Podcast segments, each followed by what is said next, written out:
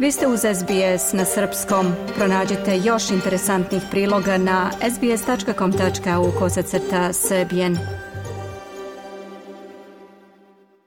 Ovogodišnji skenlonov izveštaj koji se bavi pitanjima kao što je multikulturalizam pokazuje da društvena kohezija u Australiji postepeno opada usled političkih i ekonomskih pritisaka. U 17. godišnjem izveštaju Istraživačkog instituta Skenlonove fondacije uočeno je da Australijanci nisu toliko ujedinjeni kao prethodnih godina. Kaže se i da je na to uticao niz faktora, uključujući tu i događaje u svetu, kao što je upravo sukob na Bliskom istoku koji doprinosi daljem padu jedinstva u Australiji.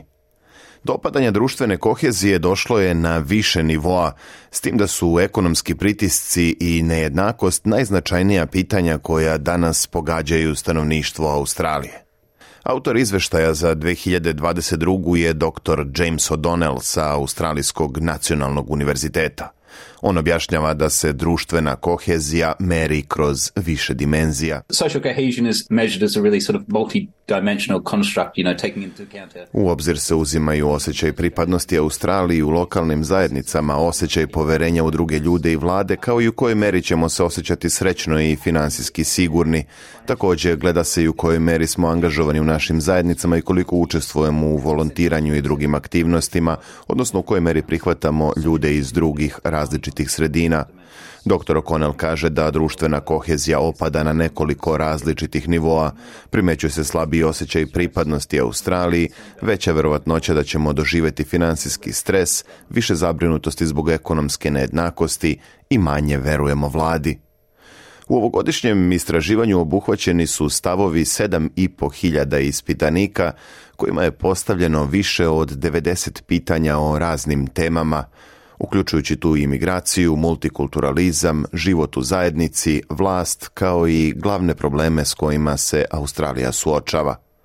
Izveštaj Scanlonove fondacije iz 2020. godine otkrio je snažan porast više indikatora društvene kohezivnosti tokom pandemije covid ali novi podaci pokazuju da se ona sada smanjuje. Pre tri godine 52% ljudi izjavilo je da u Australiji osjeća jako osjećaj pripadnosti, ali je u 2023. ta brojka opala na rekordno niskih 48% i procenat ljudi koji su veoma ponosni na australijski način života i kulturu značajno je opao i iznosi 37%. S druge strane, rekordnih 84% ispitanika veruje da je jaz između ljudi sa visokim i niskim primanjima postao prevelik. Predsjednik Saveza etničkih zajednica Australije Carlo Carli kaže da su burne i politički osjetljive debate o lokalnim i međunarodnim pitanjima kao i aktualni financijski pritisci u velikoj meri ometali društvenu koheziju u zemlji. Društvena kohezija oblast u kojoj je Australija uložila mnogo truda i ceo njen multikulturalni projekat se odnosi na poboljšanje društvene kohezije, kaže Carly. Kohezija ponekad varira, u ovom trenutku izložena i velikom broju stresova, dodaje on. Tu pre svega izdvaja veoma tešku debatu o referendumu za glas prvih naroda, kao i dramatičan pad finansijske moći australijskih domaćinstava, izazvan visokom inflacijom, rastom kamata i niskim povećanjem zarada. Tu je sada i sukob na Bliskom istoku koji također stvara poteškoće. S druge strane, većina anketiranih su i dalje oduševljeni kulturnom raznolikošću – 89% Australijanaca se slažu da je multikulturalizam dobar za Australiju, dok se 86% slaže da su imigranti dobri za australijsku ekonomiju. Također, zabeleženo je da 80% ljudi smatra da pripada svom komšiluku, a 64% kaže da u njihovom komšiluku postoji snažan osjećaj zajedništva.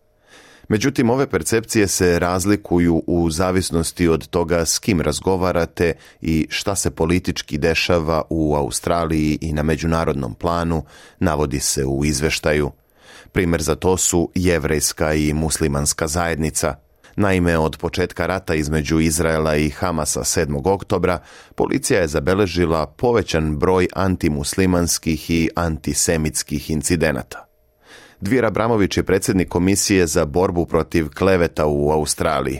On kaže da je stopa antisemitizma porasla od početka sukoba u Izraelu i Gazi. Many of us are feeling under siege and on edge Mnogi od nas se osjećaju pod opsadom i na ivici jer vidimo ljude za koje smo mislili da su nam prijatelji i saveznici, a koji nam zapravo okreću leđa.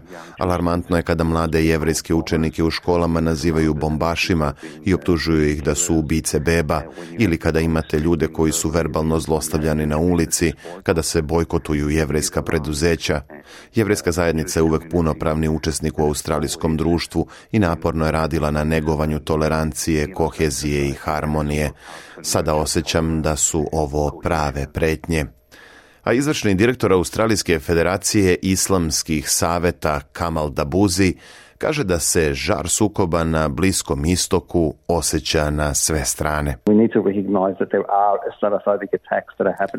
Moramo da primetimo da se dešavaju islamofobični napadi i da postoji njihov porast. Mislim da je čak i desetostruko veći. Ovde u Sidneju naš centar prima sve veći broj poziva mržnje. Odlučili smo da o tome ne dajemo preveliki publicitet jer ne želimo da povećamo zabrinutost unutar zajednice, kaže da buzi. I dok je podrška multikulturalizmu i imigraciji ostala visoka tokom posljednje decenije, u 2023. sve više su uobičajeni diskriminacija i predrasude. 18% ljudi reklo je da su doživjeli diskriminaciju u posljednjih 12 meseci zbog svoje boje kože, etničkog porekla ili vere, što je više u odnosu na 16% u 2022. Kada je reč o ekonomskim pitanjima, udao ljudi koji su zadovoljni svojim financijama pao je na 61% usled pojačanih financijskih pritisaka. To je pad sa 64% prošle godine. Također 12% ovogodišnjih ispitanika izjavilo je da često ili ponekad ostaju bez hrane, a 22% često ili ponekad nije moglo da plati lekove ili zdravstvenu zaštitu. Dr. James O'Donnell kaže da je veoma važno pozabaviti se ovim pitanjima. The first is obviously around helping households Prva stvar je pomoći domaćinstvima s njihovim financijama i obezbediti da ljudi mogu da sastave kraj s krajem, jer kada se ljudi muče u životu imaju mnogo manji osjećaj pripadnosti i poverenja u Australiju. Također, mnogo manje prihvataju naše različitosti, a sve je to deo finansijskog pritiska koji će biti zaista važan za rešavanje ili bar za ublažavanje situacije u narednom periodu, kaže O'Donnell mišljenja da je Australija zemlja mogućnosti također polako slabe. U 2023. samo 63% ispitanika se složilo s ovom idejom, što je za 16% manje nego pre 10 godina, piše Omo Bello za SBS News. Ja sam Branko Cvetojević. Želite da čujete još priča poput ove? Slušajte nas na Apple Podcast, Google Podcast, Spotify ili odakle god slušate podcast.